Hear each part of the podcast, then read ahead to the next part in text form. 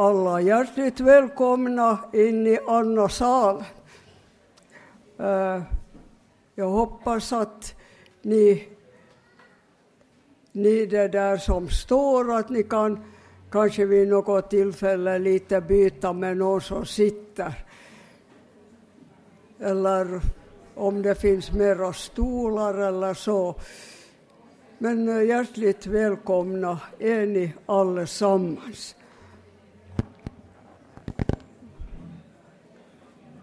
För eh, vi går till vårt ämne, när Gud är tyst, eh, så ville jag eh, berätta, jag blev påmind just nu om en händelse början av 70-talet då vi började i Lukas församling med förbönsgudstjänster. Det var Munksnäs kyrka Eh, där jag var teolog och skötte om verksamheten. Mm, och där började också förbönsgudstjänsterna, inte bara i Lukas utan också här i vårt goda land. Vi var de första som Herren eh, sände att eh, be för varandra och gav helandets gåva. Där var det också så här. eh, I kyrkan rymdes 400 men eh, där var dubbelt upp 800 och många satt på golvet. Munksnäs kyrka var uh, neråt, altaret var nere och, och så gick man upp för för att komma ut. Det var en heltäckande matta där och människor satt på mattan i korridoren, gångarna och också på fönsterbrädet.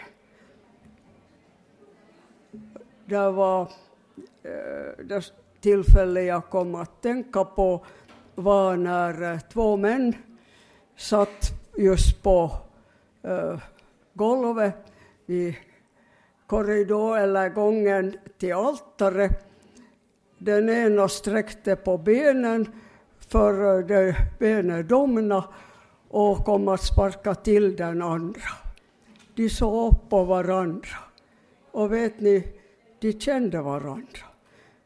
Den ena var eh, fabrikschefen, den andra var arbetaren. De såg en stund på varandra och hälsade. När mötet var slut så gick alla ut förstås och då stannade Eh, eh, fabrikschefen, verkställande direktör tror jag han hade som titel, och väntade på arbetaren. De hälsade där ordentligt på varandra och båda konstaterade de hade sina hustrur på cancerkliniken och båda hade cancer. Chefens hustru hade man sagt det går inte att operera. Och att arbetaren nere i fabriken hade man sagt det lönar inte sig att operera för hon har utbredd cancer och båda skulle hinna före nio på kvällen för att hälsa på sina fruar. Arbetaren sa, har direktören bil? Nej, sa Jag var så nervös, jag måste ta bussen, jag kunde inte köra. För eh, min hustru, min hustru. Jag så sa arbetaren. Men jag har bil. Kom med bilen så kör vi iväg så att vi hinner före nio hälsa på våra fruar. Och så for de iväg. Vet ni vad? Hustrurna var i samma rum. Ja, det här är Eh, sanningarnas sanning. Jag kom just ihåg när vi står där och, och många satt på golvet och så vidare. Och efteråt, när de hade besökt sina hustrur och besökstiden var slut, eh, så sa arbetaren till direktören, men eh, kom i min bil Eh, det går så lite bussar så här sent på kvällen. Och så åkte de tillsammans i bil. Vet ni vad som hände i den fabriken? Den var lite utanför Helsingfors, så är det ännu också idag. Det hände det att direktören eh, tog kontakt med förtroendemannen för arbetarna och sökte upp också den här eh, arbetaren. Där på fabriken hade redan tidigare bildats en bönegrupp, för flera av dem hade börjat gå i förbönsgudstjänsterna. Så det var sex stycken i fabriken som en tid hade bett om väckelse. Om jag säger att direktören och denna arbetare kom med i den här bönegruppen, de blev åtta. Men det som hände, det var det att ingen strejkade i den fabriken. Rykte gick. Verkställande direktören och arbetaren där nere i fabriken, de hade samma problem. Och de träffades i bönegruppen. Rykte gick, direktören sitter i bönegruppen. Det blev ingen strejk. Man kunde tala med direktören och direktören vistades väldigt mycket nere i fabrik. Det blev väckelse. Det blev väckelse. På alla håll, men bland arbetarna också där nere i fabriken. Men också upp till högsta direktionen. Den verkställande direktören som vi har talat om var den ledande förvandlingen skedde. Vad var det? Det var det att nöden hade kommit in i arbetarfamiljen men också i direktörens familj. Och Herren verkade. Det blev aldrig strejk, mig veterligen, i den fabrik. Och på högsta ledningshåll så var det ingen som kom på tanken att det skulle avskedas. Man skulle sanera, eller hur fint det nu heter. Den fabriken finns ännu, men aldrig en strejk. Vår verkställande direktör är pensionerad sedan några år tillbaka. Jag vet inte hur det är med hans goda vän arbetaren, kanske han också eh, är det här pensionerad, jag vet inte. Men det som Herren gjorde den kvällen, det är ett bestående verk, kära vänner. Ni påminde mig just om den händelsen. Kyrkan var mer än full, dubbelt mer. Människor hade nöd. Men nu ska vi gå till vårt ämne och börja med att knäppa händerna i bön. Kära Herre, vi prisar och tackar dig för att du möter oss. Du möter oss i vår nöd. Du möter oss också när vi tycker att vi har klarat oss väldigt bra. Du möter oss på alla våra vägar, under hela vårt liv. Och tack att du har mött oss som är här samlade idag. Och nu ber vi dig att du en stund ska uppehålla vår, inte bara tanke, utan oss helt och hållet. När du vill tala till oss om när du är tyst när du tiger. Och vi ber, Herre, att ditt budskap skulle komma djupt in i våra hjärtan, att vi kunde ge vidare åt nödställda människor och människor som har gett upp hoppet. Därom ber vi i Jesu namn. Amen.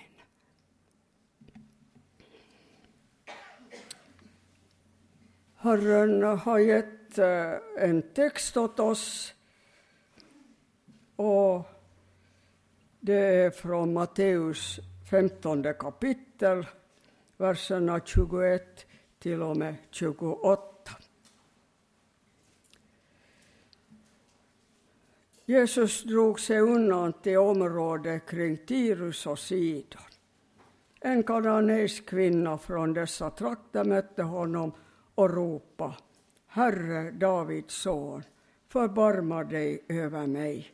Min dotter plågas svårt av en demon. Han gav henne inget svar. Då gick hans lärjungar fram och bad honom, säg åt henne att ge sig iväg. Hon går ju bakom oss och ropar. Han svarade, jag har inte blivit sänd till andra än de förlorade fåren av Israels folk. Men hon kom fram och föll ner för honom och sa, Herre, hjälp mig. Han svarade, det är inte rätt att ta brödet från barnen och kasta det åt hundarna. Nej, herre, sa hon, men hundarna äter ju smulorna som faller från deras herrars bord. Då sa Jesus till henne, kvinna, din tro är stark, det ska bli som du vill. Och från den stunden var hennes dotter frisk. En kvinna kom fram då Jesus hade dragit sig tillbaka till Tyrus och Sidon. Herre Davids son, förbarma dig över mig, var hennes bön. Min dotter plågas svårt av demon. När vi hör det här så tror jag många av oss skulle tänka en så ödmjuk bön. En moders kärlek till barnet så starkt att hon går långa vägar för att få be om hjälp för sitt sjuka barn. Jesus skulle säkert genast säga gå, din dotter blir frisk. Men så står det inte. Det står att Jesus gav henne inget svar. Han teg. Kanske någon av oss någon gång har upplevt något liknande. Jesus tiger, Herren tiger, Gud svarar inte. Jag tror att för den här kvinnan blev Jesu tystnad en prövning. Men så är det också för oss. Guds tystnad är det allra svåraste i vårt liv. Just då vi behöver hjälp. Just då vi skulle behöva uppleva att Herren direkt stiger ner och kommer med alla de himmelska krafterna som han har. Men vi ropar som kvinna. Herren tiger. Och vi ropar ut vår nöd. Varför just jag och varför just nu? Varför tiger Jesus när det käraste jag äger, mitt barn, är sjukt? Och många av oss kanske tänker vidare, vad ont har jag gjort när Gud straffar mig så här? Inget svar. En tyst himmel. Vakuum, tomhet omkring mig. Ja, vi står frågande inför Herren när vi upplever Barnet har inte blivit bättre. Den sjuka har tvärtom blivit sämre. Och man frågar, eller vi frågar, Ser han inte mig? Hör han inte mig? Har han ryggen vänt just mot mig? Han ger svar åt alla andra, sa en gång en kvinna. Men mig säger han inte ett ord åt. Kära vänner, när Gud är tyst, då är himmelska makter i rörelse. Om vi går tillbaka, eller inte går tillbaka, utan går till vår bibel, så kan vi säga att Guds största tystnad i universum var när Jesus led och dog på korset. Då vet vi alla och minns att mörkrets makter fick spelrum. Gud teg. Till och med naturen reagerade. Det står att solen miste sitt sken och att himlakropparna beva. Men Gud teg. Vad hände då? Som Jörgen sa, någonting av världshistoriens största under. Förlåten i templet rämnade i två delar. Guds hjärta öppnades. Förlåten, det var det som skilde människorna åt. Nu rämnade den. Det fanns öppen tillgång till det allra heligaste. In i Guds allra heligaste gemenskap. Och Jesus, vi minns att han ropade i sin vånda och nöd. Min Gud, min Gud, varför har du övergivit mig? Det var Jesus. Men det var den största händelsen i vår världshistoria och också i religionshistorien. Gud öppnar vägen till himlen. Jesus måste dö, gå genom döden, vara där i några dagar, men sedan uppstå. Himlen är öppen sedan dess. Guds tystnad behövdes när någonting stort sker. Och när det gäller oss så kan vi väl säga när Gud tiger, när vi upplever alla andra bryr han sig om, men mig och min familj, min nöd bryr han inte sig om. Då handlar Gud. Då sker oftast det allra största i en människas liv. När Gud är tyst. I stillheten möter han människan. Vi blir stilla inför Gud. Vi är alldeles stilla, naturen är still. Solen mister sitt sken när det största hände på Golgat. Men just då öppnas för många av oss himlens port. Och vi får uppleva någonting av det allra största i vårt liv. Guds omsorg. Genom Guds tystnad kommer den himmelska friden in. Gud talar genom vår tanke, genom vår känsla. Och han tar grepp om vår vilja. Vi märker jag är i Guds hand. Det är någonting nytt det här. Och så kan han komma ännu djupare in och vi upplever Herrens närhet på ett nytt sätt. Och de himmelska krafterna börjar verka i oss.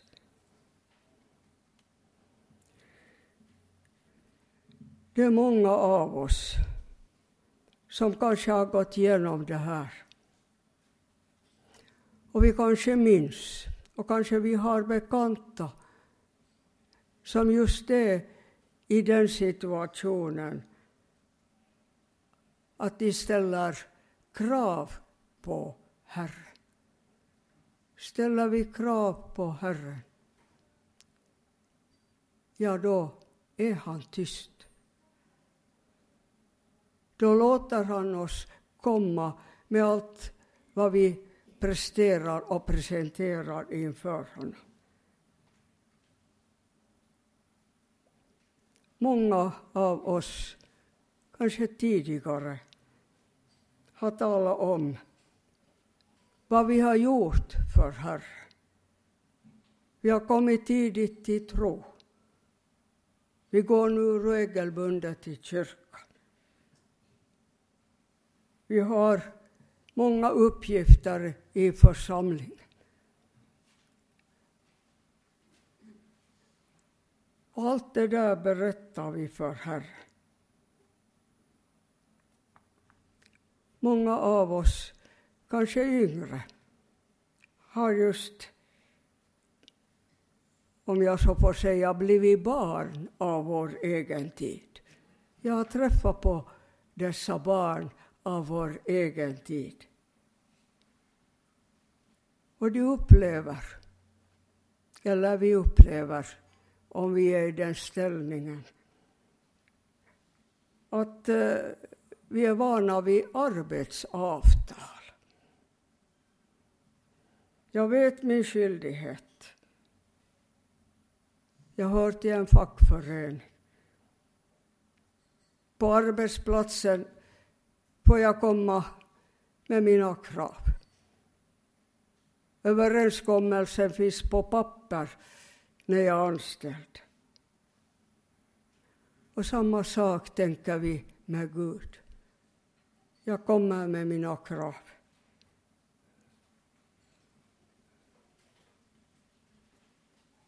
Jag fordrar att Gud ska höra mig, för jag har gjort så mycket för honom. Men Gud är tyst. Han lyssnar. Han har inte övergivit dig eller mig eller den här personen. Men eh, han vill nå personen i fråga. Det är inte ett arbetsavtalsförhållande. När jag går i kyrkan och är med i kretsar och och har uppfostrat mina barn kristet, så har jag gjort min del. Nu ska Gud höra mig. Nu ska Gud hjälpa mig. Han leder oss vidare i sin kärlek. Och så upplever vi någonting av vad den kananeiska kvinnan upplevde. jag är inte alls värdig att Gud har någon som helst aktning eller tar kontakt med mig. Det är ju nåd. Det är nåd. Vi upptäcker nåden där i stillhet. Och har vi tid att vara stilla och lyssna då fortsätter Herren och talar om för oss vad han har gjort för oss.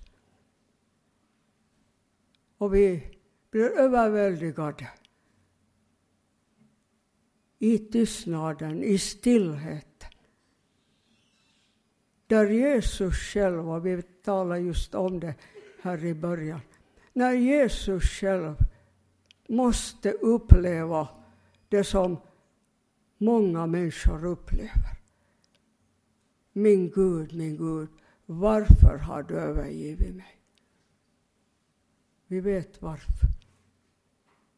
för att du och jag skulle få leva under en öppen himmel, få syndarnas förlåtelse, få bli hans lärjunge och tjänare och användas av honom. Hjälpa våra tonåringar att finna vägen, hjälpa vår nästa, vem han eller hon är, att i stillheten, tystnaden, få uppleva Guds ingripande. Det som vi vet alltid får Gud att tiga. Är det när eh, vi är på sidan om hans plan. Men han väntar. Han väntar. Han har inte övergett oss. Han tiger. Också där. Det som eh, skiljer oss ifrån Gud vet vi ju och vi kallar det för synd. Synden skiljer oss från Gud. Och då får vi uppleva Guds tystnad. Guds tystnad. Jag kan inte låta bli att här ta ett exempel igen. Det är också för ett antal år sedan en person, en lärarinna som i 30 år hade varit lärare. Elsa kallar vi henne. Hon eh, skrev till mig och berättade att hon var sjukskriven. Hon hade väldig astma och hon kunde inte undervisa i skolan. Hon var engagerad i kommunen i olika kommunala, kommunala eh, ärenden och grupper. Hon räknade upp alla sina arbetsuppgifter. Också söndagsskollärare var hon och ledare av diakonisyföreningen och missionsföreningen. Ja, i församlingsrådet satt hon också. Men som sagt, hon hade insjuknat i astma och var sjukledig. Jag förstod att hon led av det här. Hur skulle det gå med skolan? Kommunen hade sina möten och församlingen. Hon skrev till mig och hon eh, skrev så här, ni som har förmågan att eh, be för andra så att de blir friska. Nu ber jag er, be för mig. Och då räknar hon upp, som sagt, alla uppgifterna eh, som blev ogjorda när hon var sjuk. Jag måste säga att jag kände mig som en elev som hade fått ett mycket stort uppdrag. Jag skrev tillbaka att jag bär henne i bön.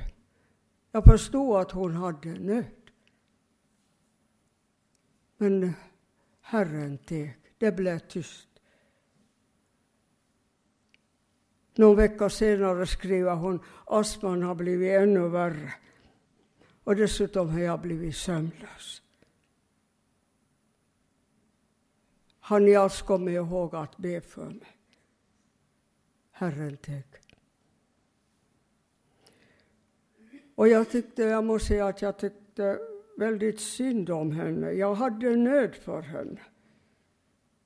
Men jag förstod också att hon behövde den här sjukskrivningen. Att vara stilla inför Herren. Han använde henne både i kommunen, i församlingen och i skolan. Men hon behövde få en tid då hon var stilla. och Herren teg. Vila ut till ande, själ och kropp. Så skrev hon, det är märkligt när jag ligger sömnlös.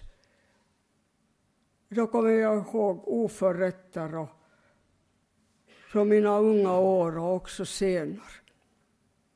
Och jag förstod på Herren att jag ska klara upp det.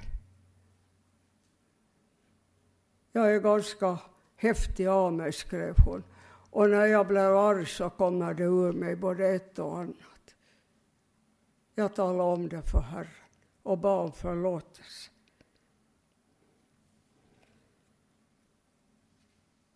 Men eh, Herren fortsatte med henne. När hon hade klarat upp en hel del så var det en sak som ännu på nära håll fanns. Och det var den unga, unga lärarinnan Lisa som nyligen hade kommit.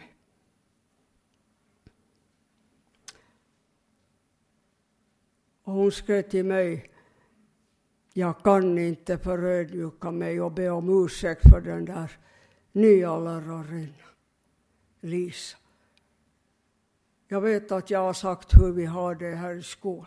Och hon har ju ingenting kunnat. Och hon har så moderna eh, eh, uppgifter som hon ger. Och hennes sätt är så modernt, det passar inte i vår skola. Jag har läxat upp henne. Och nu säger Herren att jag ska be henne om ursäkt. Det gick flera nätter och så sa Elsa till Herren. Ja, jag lovar att imorgon be om ursäkt och ta upp frågan oss emellan. För det har varit ganska hårt mellan oss och vi har inte hälsat på varandra.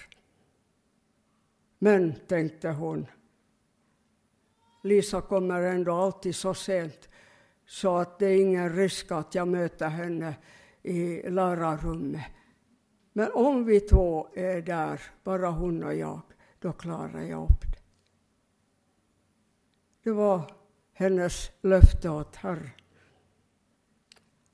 Och vem var före Elsa i lärarrummet? Jo, det var Lisa. Lisa hade inte så lätt hon heller. Och nu förstod Elsa. Nu var det att räcka handen och tala om vad hon hade sagt och hur hon hade tänkt. Och allt det där hon hade berättat åt andra också. Och hon gjorde det. Tala om att hon inte hade tagit emot henne som en nykomling och, och, och liksom kommit in i hennes tankegångar utan hade lärt vad de brukar ha i den skolan. Och Lisa blev så förvånad. Det här är allt hennes brev som jag citerar. Lisa blev så förvånad. Så hon sa att inte har jag haft så vackra tankar om er heller. Nu har jag sagt ganska skarpt om er häråt bekanta och också till andra lärarna. Jag har också orsak att be om förlåtelse. Och så räckte de varandra hand. Elsa sa, jag tycker när vi har klarat upp det här nu så ska vi hjälpas åt. Jag heter Elsa, ingen ni. Och du är Lisa, inte sant? Det gick ganska lång tid den dagen före alls någon kom. Men de andra lärarna tittade länge på Elsa och Lisa som första gången satt bredvid varandra vid samma eh, bord i lärarrummet och samtal. Herren hade etik och låtit Elsa uppleva också under sömnlösa nätter. Det förgångna. Nu var det förlåtet. Nu hade hon klarat upp också med Lisa. Men Herren hade en plan. En fantastisk plan med de här båda lärarna. De fick båda nöd för ungdomarna. Där på orten fanns en uh, bensinstation och en bar vid bensinstationen, men ingenting annat. Och ungdomarna samlades på bar. Men som sagt, det fanns ingen samlingsplats. Båda fick nöd. Båda konstaterade, nej men snälla nån. På weekenden har de ju ingenstans att gå, bara baren. Och barägaren hade också serverat dem eh, öl fast de var minderåriga. Polisen hade eh, alltid nu och då svårigheter med eh, ungdomarna där på eftermiddagen eller på kvällen när de kom. Båda beslöt vi ska bilda en skolklubb för eleverna. Och på Lisas uppmaning, lägg märke till det, så vände de sig allra först till ungdomen, till eleverna och sa vi har kommit på den här tanken att vi, var det nu fredag kväll, ska ha en klubbkväll här och ska få uh, spela och, och samlas. För eh, det finns ingen samlingslokal här. Vad säger ni? Alltså ungdomarna tillfrågades först. Och de var förvånade. Har ni talat med föräldrarna? Nej, vi börjar med er. Vad säger ni? Vi har kommit på den tanken. Ungdomarna upplevde, tänk att de först frågade av oss. Och de var färdiga. Jo, vi bildar. Sen talade de med föräldrarna och rektorn gav tillåtelse. Allt det där fick jag per brev från den skolan. Och det fungerade. Ungdomarna kom. Det skaffades olika spel för det. De hade eh, eh, uh, volleybolllag och de hade uh, olika idrottslekar. Vaktmästaren kom med. Han, hade, han bodde i skolan. Och han tyckte om att slöjda, så han sa att uh, vi ska försöka skaffa material och så de som uh, nu inte hela tiden vill spela volleyboll eller några andra spel så kan komma hit ner i källaren så kan de laga ett och annat som de tycker skulle vara skojigt. Några, några år gick och jag får ett brev bland många andra. Men eh, där skriver de senaste fredag var det 50 pojkar och en hel del flickor i klubben. Och vi trivdes alla med varandra. 50 pojkar. Det var eh, efter kriget så föddes det väldigt mycket pojkar. Men eh, det här var ju långt efter på, på 80-talet. Men i alla fall, 50 pojkar, det räknar eh, både Lisa och Elsa och en hel del flickor. De hade olika eh, eh, uppgifter och de samlades i flera olika rum. En del föräldrar ställde upp, både pappor och mammor. 50 pojkar och en hel del flickor.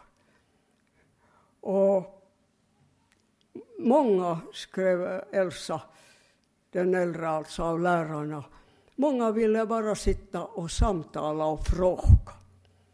Och där satt Elsa med dem och samtalade och frågade.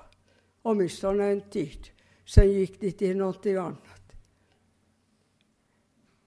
En dag eh, när Elsa igen skriver och berättar vad som har hänt i klubben så skrev hon, och vi hade polisen här på besök. Och jag undrar vad, vad, vad som var anledningen till att polisen kom. Han sa att var, var inte oroliga. Det är så att jag har inte fått fason på min pojke, men det har ni fått här. Och jag kom för att se vad ni gör med ungdomarna när, när de blir så annorlunda. Min pojke har helt förändrats. Och fredag kväll kan man inte ha någonting annat än skolklubben. Det var dit han ska. Om det också var någon födelsedag eller någon fest eller någonting när familjen hade eller sekten hade så gick skolklubben för. Jag kom för att se vad de gör med ungdom. Ja, vad gjorde de med ungdom? De hade bearbetats av Herren först. Herren ledde dem att få nödförd. Ledde dem vidare. Och nu fanns denna skolklubb som eh, av allt att döma ungdomarna upplevde som mycket viktig. Varför berättar jag det här?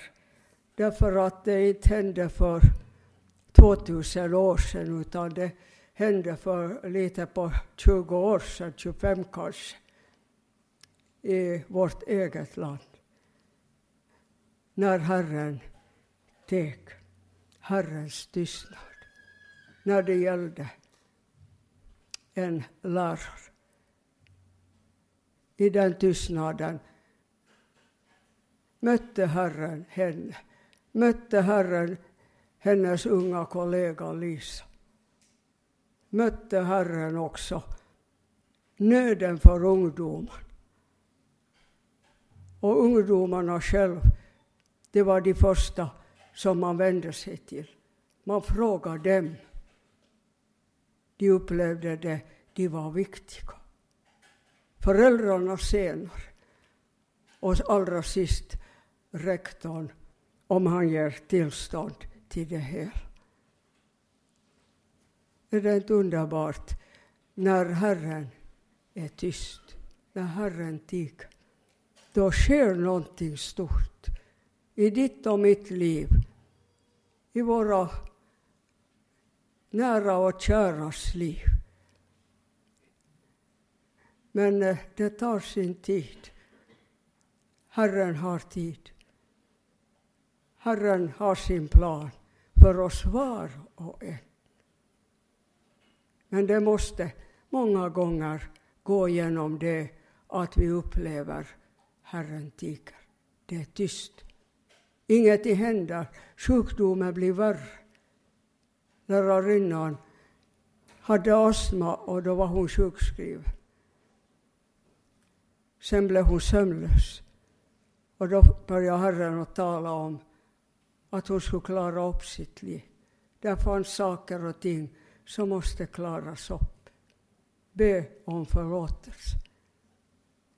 Och sedan den unga lärarinnan. Är det inte fantastiskt? Kära vänner. Jag tycker det är underbart när man möter, möter de här människorna. Och, och det här är en händelse som eh, blev till stor välsignelse för hela det samhället.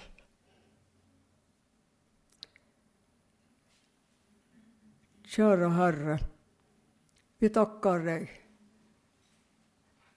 för att du ibland är tyst. Du tiger. När vi ropar till dig, när vi kommer och talar om att vi ända sedan små barn har trott på dig. Vi verkar i församlingen. Vi försöker sprida ditt ord. Vi är i kommun. Vi försöker lära barnen i skolan och också barnen och barnbarnen hemma. Ditt ord att lita på och be. Herre, vi tackar dig för att du vill hjälpa oss vidare. Du vill hjälpa oss varendaste en i ett djupt förhållande till dig själv. Så att du får rena och rensa vårt innersta. Vi får klara upp saker och ting som du påminner oss om. Och så får vi prisa och tacka dig för att din avsikt är att göra oss till dina lärjungar, dina tjänare, på arbetsplatsen, i församlingen, i kommunen, bland våra släktingar och vänner, var vi än rör oss. Tack, Herre, att vi så får gå tillsammans med dig och närmare dig. Och framför allt stanna vid Golgata kors där det största undret i världen skedde. Himlen öppnades och vi fick fritt tillträde genom syndarnas förlåtelse som Jesus bar vår synd i sin kropp. Han fick gå genom tystnaden. Han fick uppleva det som vi har fått kanske i någon mån uppleva. Min Gud, min Gud, varför har du övergivit mig? Då sker det stor. I dina händer, Fader, lämnar jag min ande. Han gick genom dödsrik, tog nycklarna till döden och dödsrik. Han har alla nycklar i sin hand och öppna himlens port för oss alla. Hjälp oss, Herre, att vittna om detta. Leda våra ungdomar, våra barn, våra vuxna, våra åldringar. Vad vi än möter för människor må vi få leda dem vidare genom Guds tystnad in i Guds gemenskap. Tack Herre att det är det som du vill förverkliga genom oss som är samlade här idag. Amen.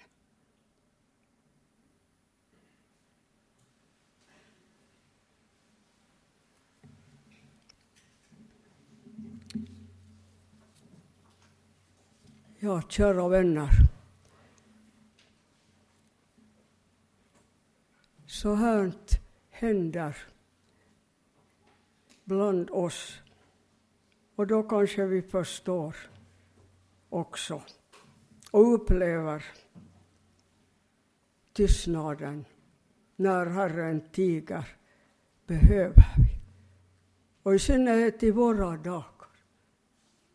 När det är så mycket det är så mycket som händer ute i världen, också bland oss. Vi hinner inte med bönen, vi hinner inte med Herren. Vi kommer nog till honom och lämnar förbön. Men han vill gå till grunden med vårt liv. Han vill använda oss. Och det är en mycket stor och underbar sak. Jag vågar säga att jag kan själv vittna om det. Det finns ingenting mer spännande, har jag sagt åt ungdomarna, än att låta Herren leda oss. Man vet aldrig vad han följande minut hittar på. Många ungdomar har smålett och sa, kan du berätta någon kiva historia? Och jag sa, vet du, jag kan berätta många. Så är det någon händelse jag kommer ihåg. Och, och, och de sa att ja, kan det hända i våra dagar? Jag sa att det har hänt Det är inte mina fantasier. Det är händelser som Herren har ordnat. Nåja, eh, vi ska fortsätta med Herren och vi ska låta tystnaden tala. Herrens gränslösa omsorg och kärlek till oss för att dana oss. För att få oss i sin hand, i sitt grepp och visa på nöden omkring oss, som de här lärarna i skolan. Polisen hade inga bekymmer mera med krogen, med baren. Där satt bara några medelålders män på kvällarna. Ungdomarna var i skolan, i skolklubben. Han måste se vad de gjorde, som jag redan sa, med ungdomarna eftersom de så drogs till skolklubben. Jag har inte fått fason på min pojke, men det har ni. Jag vill se vad ni gör med, med ungdomarna. Är det inte underbart? I våra dagar. Mitt i alltihopa. Vad som än händer och ekonomiska kriser och uh, ledande regeringspersoner med, med, blir upptäckta för det ena och det andra och oegentligheter och, och också annat. Mitt i allt det här sker sånt här. När Herren är tyst och tiger. God fortsättning.